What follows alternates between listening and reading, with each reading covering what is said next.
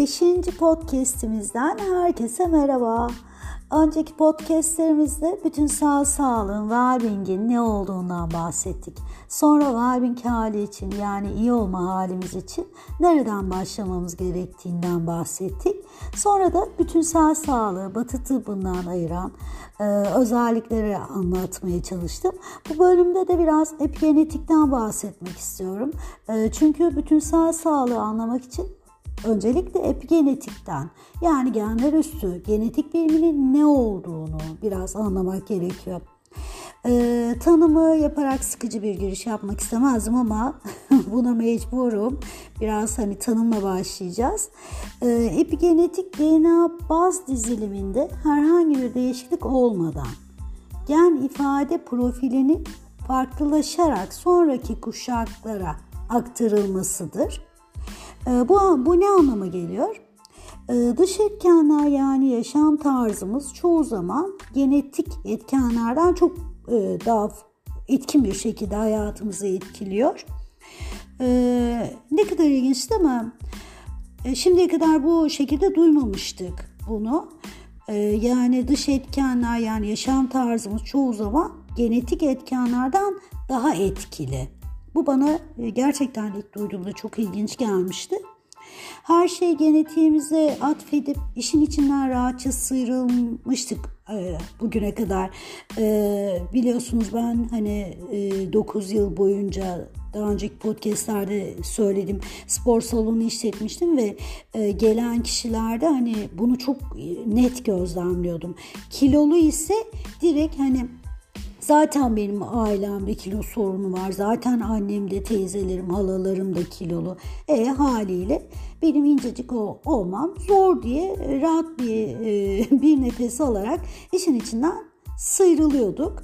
Maalesef maalesef maalesef dostlar işin rengi böyle değilmiş. E, bu konuyla ilgili çokça bilimsel araştırmalar yapılmış ve epigenetik araştırmalar sonucunda rahatsızlıkların sadece %5'lik bir bölümü genler ile ilişkilendirilirken sıkı durum %95'lik kısmı epigenetik aracılığı ile kontrol edilebilmekteymiş. Ee, bu arada dikkatinizi çekti mi bilmiyorum rahatsızlıklar dedim. Hani boydan, saç cinsinden, ten renginden bahsetmedim. Hani hastalıklar anlamında e, rahatsızlıklar dedim. E, buraya kadar inşallah anlaşılmış olmuş, e, anlaşılmış olarak anlatabilmişimdir. Şimdi e, Zeitgeist nedir bilir misiniz e, arkadaşlar? Zeitgeist araştırmalarını hiç duydunuz mu? E, Zeitgeist zamanın ruhu anlamına geliyor. Dönemin ortak gustosuyla e, alışkanlıklarını anlamaya yarayan bir kavramdır aslında Zeitgeist. E, ve Zeitgeist'in 2011 uyarlamasında yayınlanan bir araştırmada meme kanseri olan 100 kadından sadece 7 tanesinin kanser geni taşıdığını, diğer 93 kadının ise kanser geni taşımadığını ve bu geni taşımadıkları halde kanser olduklarını tespit etmiş e, bu araştırma. E, e dolayısıyla dolayısıyla e, hani sonucu değerlendirirsek her kanser olan birey kanser e, geni taşıyor anlamına gelmez. Veya tam tersini söyleyeyim. Kanser geni olan e, herkesin de muhakkak kaçınılmaz bir şekilde kanser olacağı anlamına gelmez. Ee, sadece bu değil. Ee, Kaliforniya Üniversitesi'nde klinik tıp profesörü olan e, Doktor Dean e, Ornish e, kar amacı gütmeyen önleyici tıp araştırma enstitüsünü kurmuş. E, ve bu başkanlığını yapmış e, ve orada genetik epigenetik üzerine araştırmalar yapılmış tabii ki. Doktor Ornish ve ekibi 31 yıl boyunca yürüttükleri klinik araştırmalarda e, değiştirilim değiştirilmesi imkansız olarak görülen tıbbi varsayımlar üzerinde e, araştırmalar yapılmış e, ve bir takım e, hani sorulara cevaplar aramışlar bunu, bu araştırmalarda. Gerçekten kalp hastalıkları tamamen iyileştirilemez mi diye sormuşlar. Ee, başka işte günlük yaşamın yoğun çalışma temposu içerisinde yaşam tarzı değişikliği gerçekten yapılamaz mı diye araştırmışlar. Hadi yapıldı diyelim.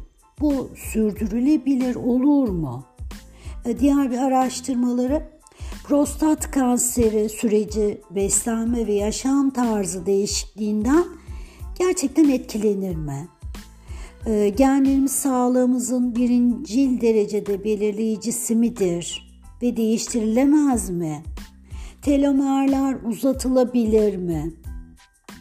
E, diye araştırmalar yapılmış ve sonuç olarak e, bu klinik araştırma neticeleri sağlıklı beslenme, stres yönetimi teknikleri, orta dereceli egzersiz, sosyal hayatın renklendirilmesi gibi yaşam tarzı değişikliklerinin insanın genel sağlık ve iyilik hali üzerinde çok güçlü değişiklik, değişiklikler yarattığını kanıtlamışlar bu araştırmalarda.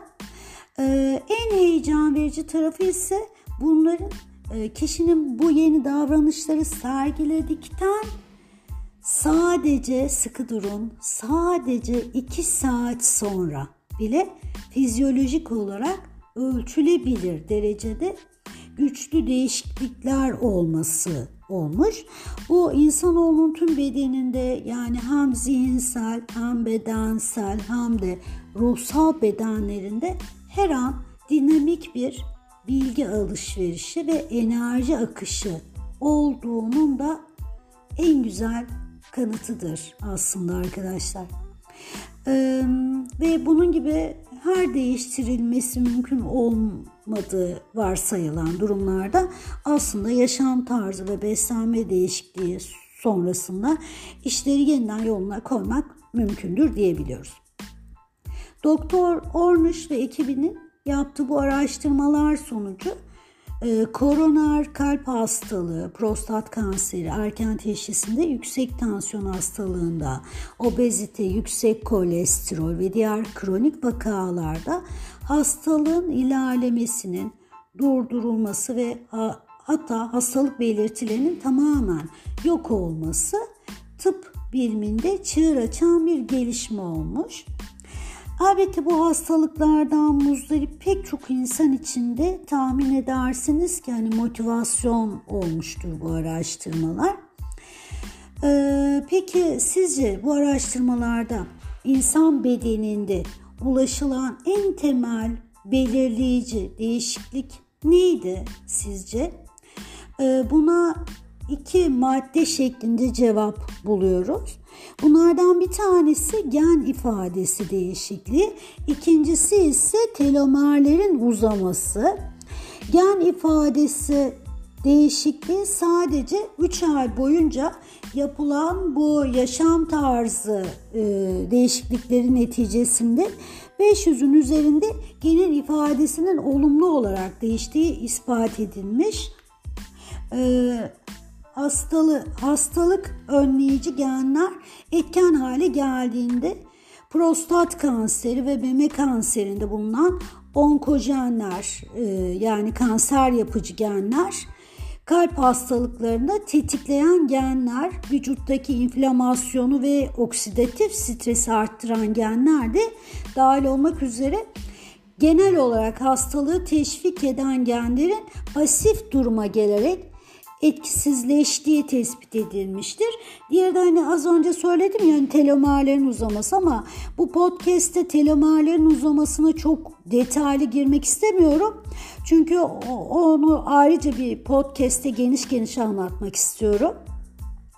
Ee, her birimiz e, yani kısacası her birimiz doğduğumuzda eşsiz ve değiştirilemez bir genetik kod devri alıyoruz. Ancak yaşam tarzı değişiklikleri gibi epigenetik faktörler genlerimizin yönelimlerini radikal bir e, biçimde değiştirebilir diyebiliriz.